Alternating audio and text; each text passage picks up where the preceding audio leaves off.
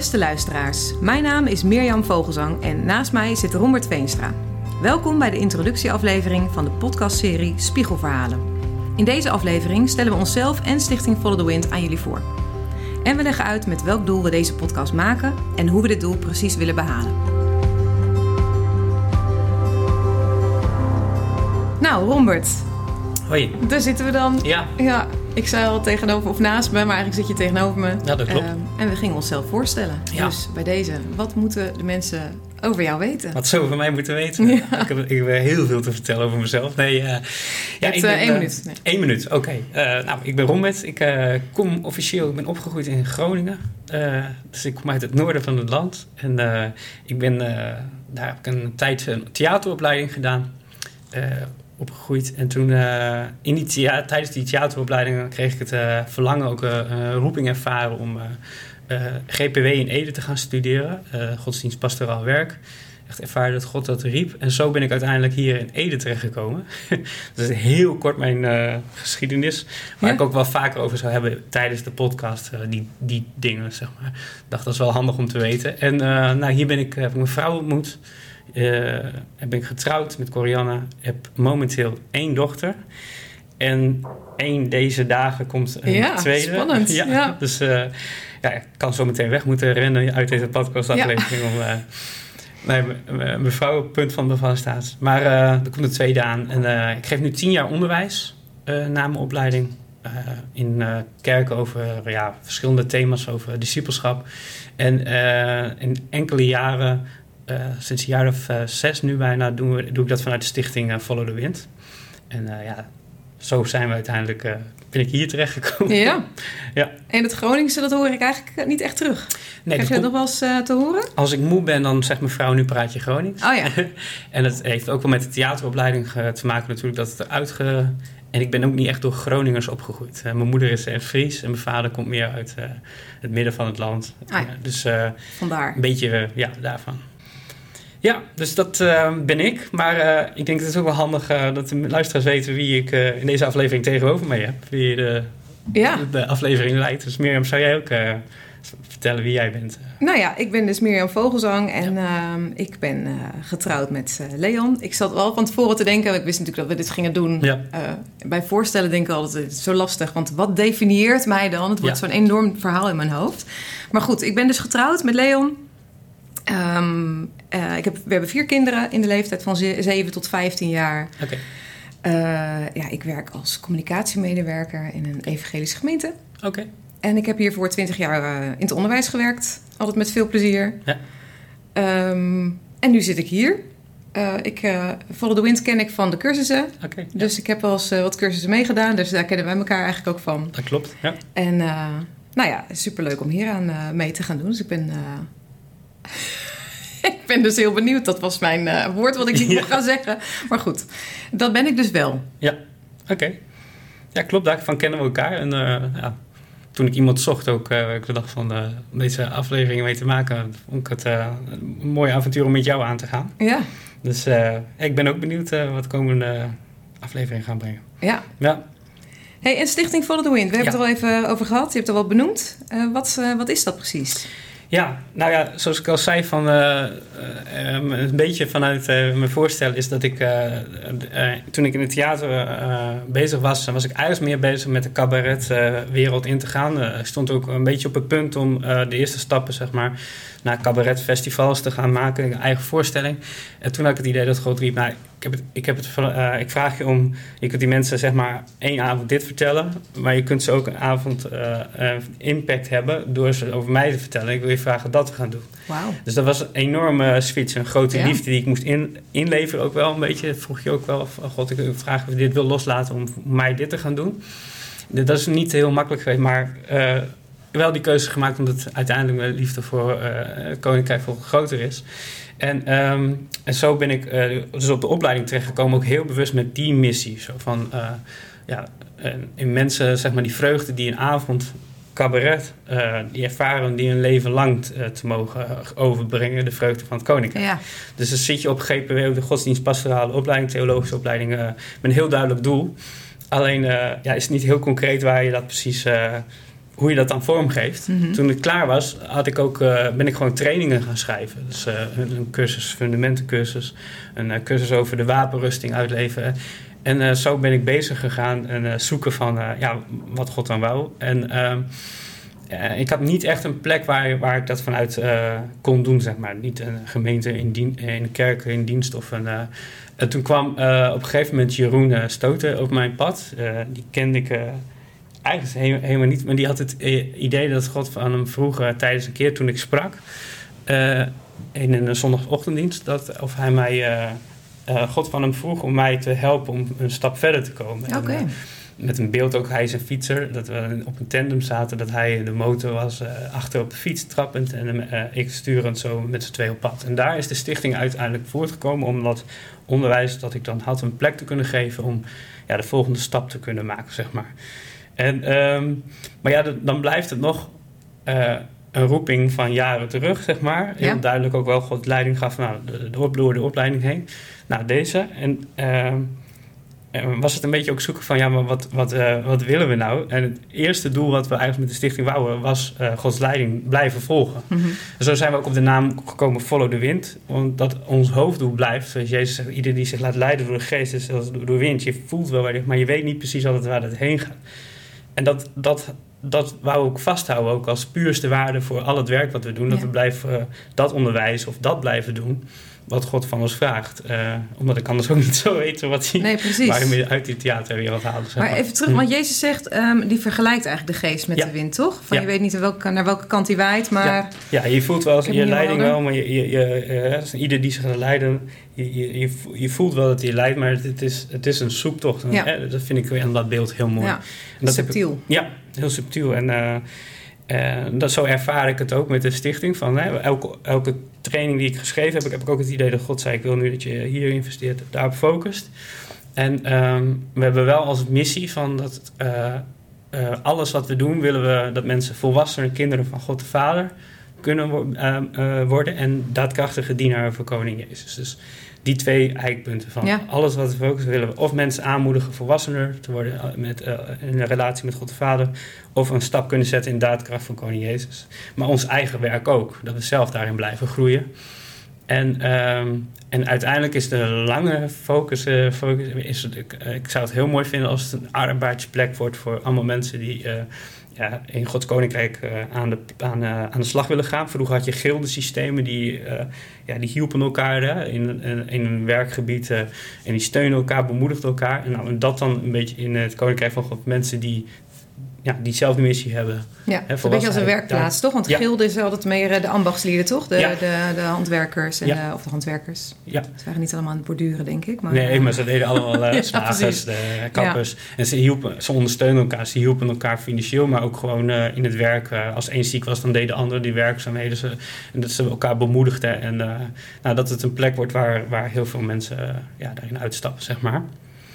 Maar ja, maar als doel is ook, en dat eh, heb ik wel ook op mijn hart zo van. ja, Jezus zegt ook dat de oost groot is. Hè? En eh, nou ja, dan denk ik ook, dan moeten we die focus ook, mogen we zelf ook dat hebben. Dus ik, ik heb wel gezegd, ik wil dan ook van die grote oost over de hele wereld, nou, gewoon miljoenen mensen proberen te bereiken van die oost. En soms vinden mensen dat wel eens lastig. dat moet je niet zo zeggen. Ja, in de verhouding tot de hele wereld is een miljoenen nog weinig van die grote oost. mhm.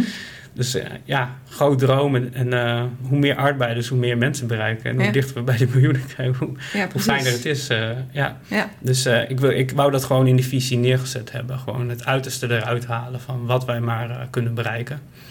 En nu is dat vooral trainingen geven, zijn we vooral mee bezig. Maar kijk, we willen gewoon blijven doen wat God vraagt. Dus als hij morgen aangeeft van, hé, hey, ik wil dat je dat oppakt, dan zullen we daar ook mee bezig gaan. Ja. Dus het is voor ons ook wel eh, verrassend waar we over vijf jaar staan in die zin.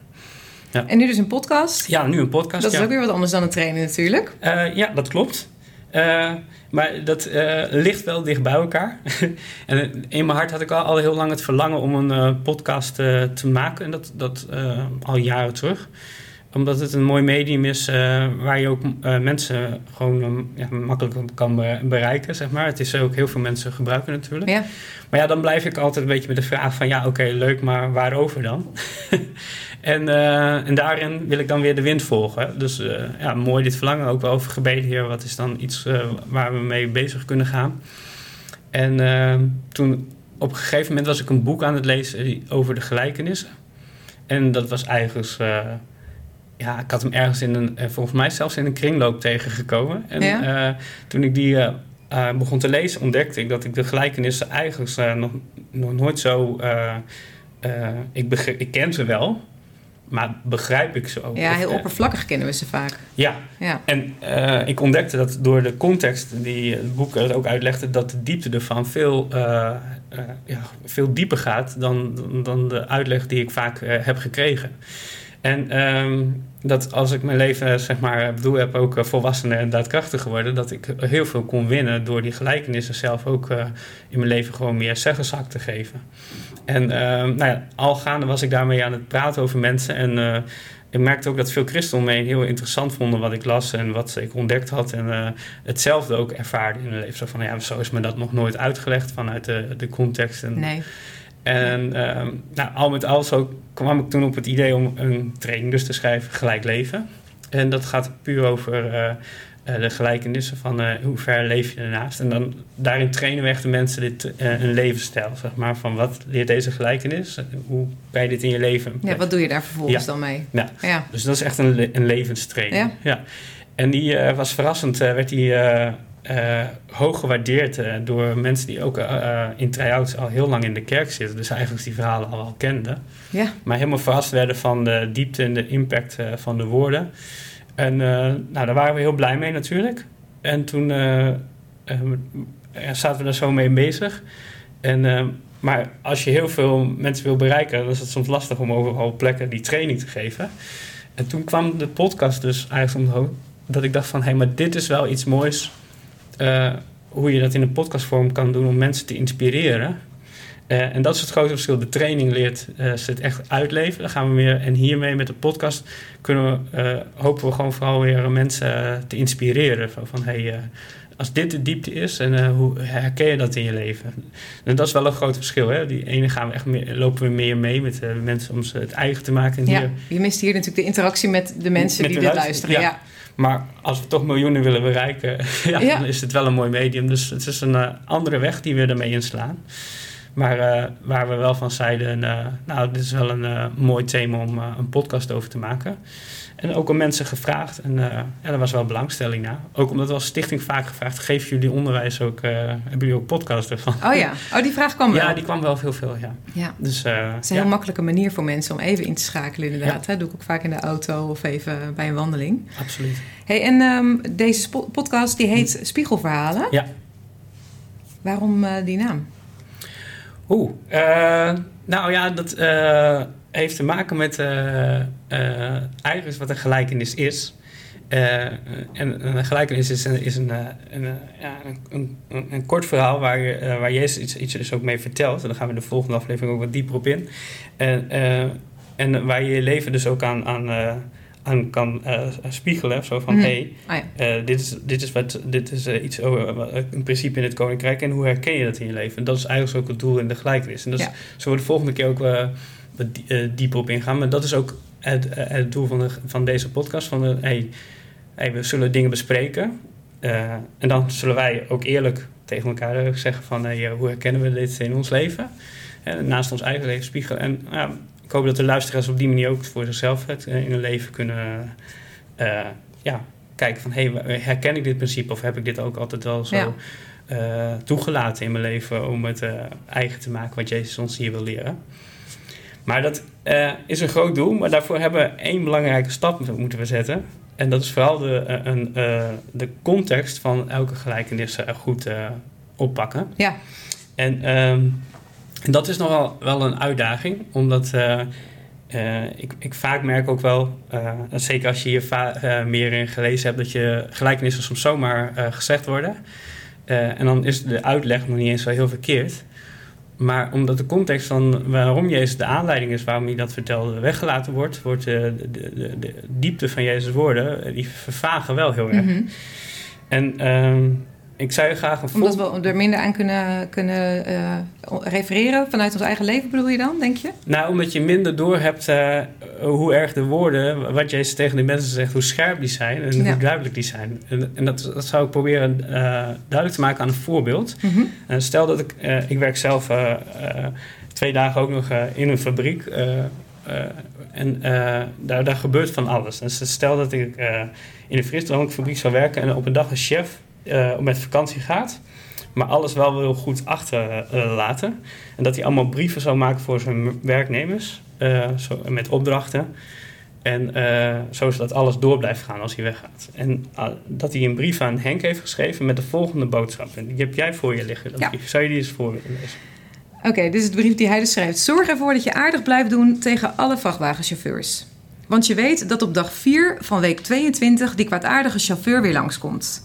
Hou je dan in en geef hem bij poort C3 35 pallets bruin, 3 pallets geel en 7 pallets paars mee. Want als zijn baas bij deze bestelling net zo tevreden is als de vorige keer, dan is dat miljoenencontract waar we zo hard voor gewerkt hebben binnen.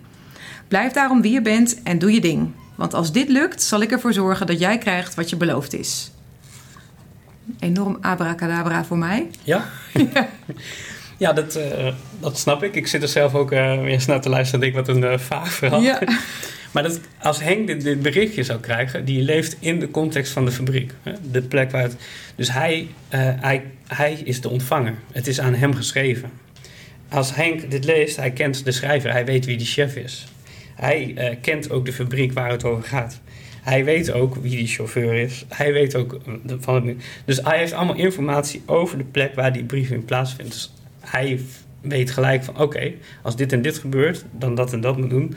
Hij voelt zich ook geprikkeld om ermee bezig te gaan, waarschijnlijk. Om, eh, weet ik wel zeker, omdat het heel persoonlijk aan hem gericht is en Ja. hij informatie. En hij kan alles plaatsen wat hier staat, natuurlijk Ja. direct. Ja. Ja, hij is deel van de context. Ja.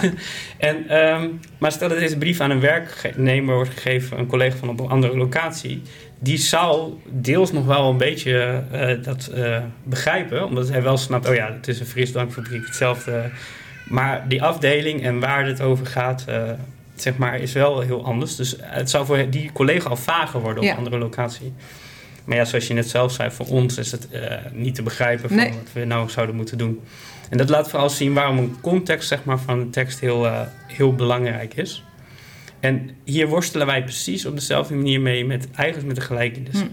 Want als wij die lezen, ehm, eh, vaak lezen we dat de voorgeschiedenis, zeg maar, of in een bijbelstudie of in een dienst wordt de, de, de, de, gelijkenis aangehaald. Ja. Maar eh, eh, ja, dus, eh, is het niet zo gek dat elke Bijbelboek, zeg maar. De Bijbel is een bibliotheek van 66 boeken hè, met 40 verschillende schrijvers, allemaal stijlen. Je hebt vissers die schreven, boeren, koningen, dichters. De genrestijlen zijn heel verschillend. Dus, eh, en het is in een cultuur geschreven van ongeveer 1400 voor Christus tot eh 90 na Christus. Mhm. Dus dat is een hele tijd in de Ja, dat is een geschiedenis. enorme tijdperiode Ja. natuurlijk. En die schrijvers die ook een, een boodschap voor hun tijd schreven. Dus, eh, maar de Evangelie, Matthäus, Marcus, Lucas schreven een verhaal voor de mensen in die tijd. Mhm. En ik denk niet dat ze er se van uitgingen dat wij 2000 jaar later nog ook die boeken zouden lezen. Dus, Nee, en als ze er al vanuit gingen, dan Ja. hadden ze geen idee gehad waar ze, waar ze op in moesten spelen natuurlijk. Nee, dus, dus, dus voor ons is het ook heel belangrijk eigenlijk een beetje dat in te leven in, die aanleiding van de gelijkenis. Van wat gebeurde er nou waarom Jezus deze gelijkenis vertelde? En ook eh, wat, wat zijn die dingen die hij gebruikt en vertelt? Eh, ja, waarom, waarom zijn die zo belangrijk en wat, hoe kwam dat bij hun over? En pas als we dat pakken, dan zullen wij ook als, als Henk geroepen voelen om er voor mij iets mee te doen. Ja. En dat merkte ik bij mezelf ook. Op het moment dat ik die gelijkenissen dus zo ging bestuderen om het te schrijven, wil ik het ook eerst in mijn eigen leven mee bezig. En toen merkte ik van, oh ja, doordat ik ze ging pakken, kon ik ze ook makkelijker in mijn dagelijks leven herkennen. Oh ja, hier vindt het Ah. plaats. En voelde ik me ook geroepen om die principes eh, meer toe te passen in Ja, mijn leven. omdat je eigenlijk die context zeg maar, meer kan koppelen aan je eigen context Ja. en eh, dingen die je tegenkomt. Ja. En dat is vooral ook wat we met deze podcast willen doen. Eerst we willen eerst gewoon die context kort met elkaar bekijken. En dan die koppeling terugmaken. Oké, als dit de impact was van hoe herkennen we dit dan in ons leven Ja. terug? En wat kan ik daar dan mee doen? Uh, nou, dat zullen wij doen dan door daar eerlijk over te vertellen. Ja. En ja, ik hoop dat de luisteraars op die manier ook geïnspireerd raken van dat, uh, hoe, hoe herken ik dat dan in mijn leven? Wat kan ik daar dan weer mee doen?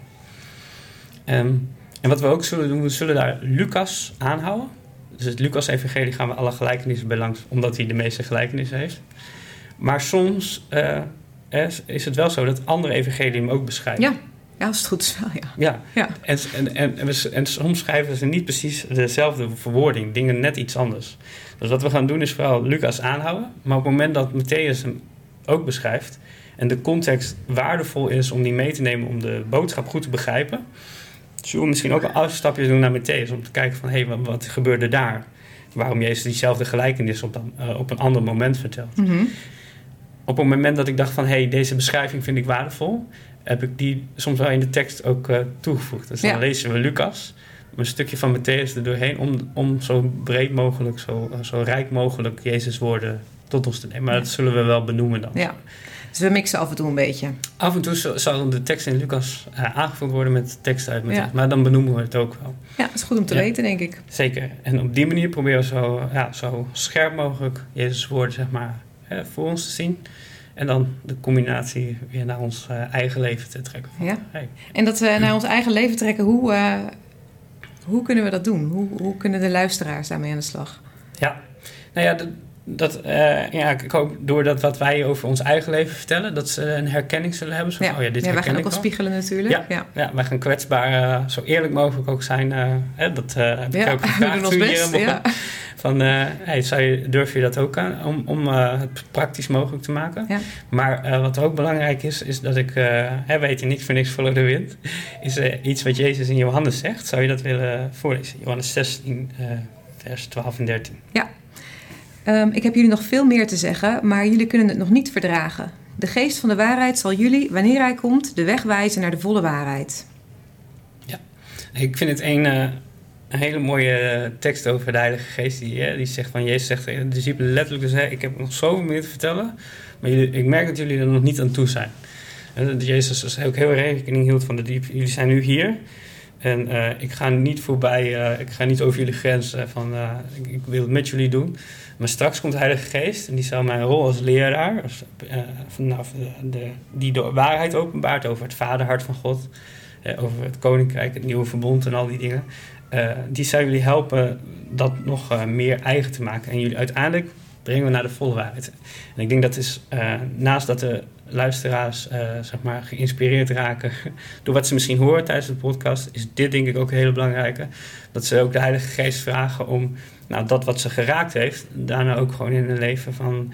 Ja, wilt u met dit vandaag ook eh, brengen naar de volle waarheid hierover? Ja, wij, ons kennen is ook maar beperkt. Ja, precies. En, deel kennen we maar. Ja, en die zin wil ik hun ook uitdagen van als er iets is wat hun raakt, om dan de Heilige Geest die week mee te nemen van waar, waar kan ik dit kwijt, waar kan ik dit in mijn leven ook weer een plek geven, zodat ik volwassener kind van God mag worden en daadkrachtig dienaar van koning Ja. Jezus. Ja. En ik denk dat deze stap onmisbaar is voor, eh, om vruchten uiteindelijk te dragen ervan. En eh, dat, ze, dat, dat het niet alleen bij inspiratie blijft, maar dat het eh, bij werkelijk bij een verandering van leven wordt. ja, dat we Ja. gewoon de vruchten gaan zien ervan. Ja, absoluut. Ja. Nou, ik kijk er naar uit. Mooi. Het wordt een ook. mooie uitdaging, denk ik. Ja, zeker. Voor onszelf en ik hoop ook voor eh, iedereen die luistert. Ja.